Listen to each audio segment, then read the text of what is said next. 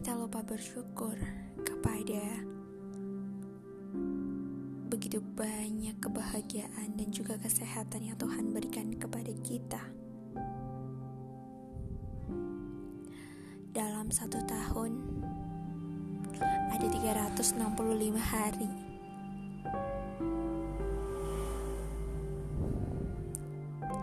Dan di 365 hari itu Coba bayangkan, coba ingat kembali, ada berapa hari yang kita habiskan untuk kebahagiaan, untuk bersenang-senang, dan untuk merasakan betapa indahnya nikmat sehat. Ada lebih banyak, bukan? Iya, lebih banyak tapi terkadang manusia lupa bahwa kesehatan yang lebih banyak diberikan kepada Tuhan seolah-olah tergantikan hanya dengan dikasih kesempatan sakit satu hari atau mungkin beberapa waktu. Iya, mungkin ketika kita merasakan sakit, kita akan kita akan merasa seolah-olah Tuhan tidak menyayangi kita seolah-olah kita adalah makhluk paling menderita di dunia, dan seolah-olah Tuhan tidak adil kepada kita. Sadar atau tidak sadar, kita sering kali berkata kepada Tuhan, "Ya Tuhan, kenapa harus aku? Kenapa harus aku yang merasakan rasa sakit ini?"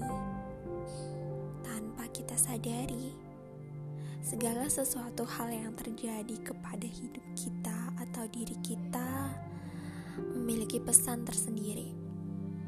Ya, seperti rasa sakit itu, ia membawa pesan. Yang tak lain adalah kamu harus bersyukur diberikan nikmat sakit dan juga nikmat sehat. Kenapa? Karena ketika kamu sehat, kamu bisa melakukan begitu banyak aktivitas dan ketika kamu sakit, kamu bisa melakukan banyak sekali pengharapan, doa, dan mendekatkan diri kepada Tuhan. Tapi terkadang kita lupa pesan ini. Kita kita merasa terlalu fokus fokus pada diri kita, fokus pada rasa sakit yang kita derita. Seolah-olah kita adalah makhluk makhluk paling menderita di dunia ini, makhluk paling kesakitan di dunia ini. Padahal Tuhan memberikan kita rasa sakit, Tuhan memberikan kita sehat. Semua itu buat apa? Buat diri kita, buat pengingat bahwasanya nikmat sehat biasa.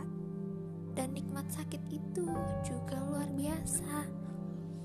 Kalau kita tidak pernah sakit kita tidak pernah merasakan betapa enaknya memiliki kesehatan. Betapa enaknya kita bisa menghirup udara secara gratis. Betapa enaknya kita bisa berjalan dan berlari-lari. Dan betapa enaknya jenis rasa dan juga makanan.